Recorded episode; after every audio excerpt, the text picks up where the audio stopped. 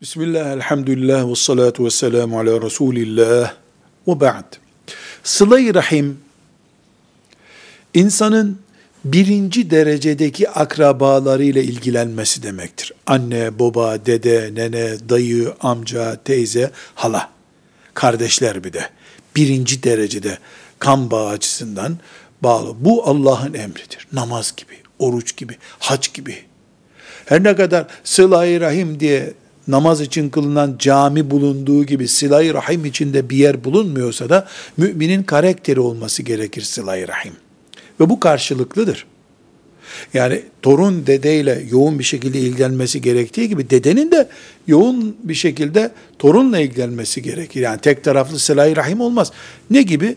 Herkese Allah namaz emrettiği gibi herkese sıla-i rahimi de emretmiştir. Ama taraflardan bir tanesi sıla-i rahime ilgilenmiyor, soğuk bakıyor.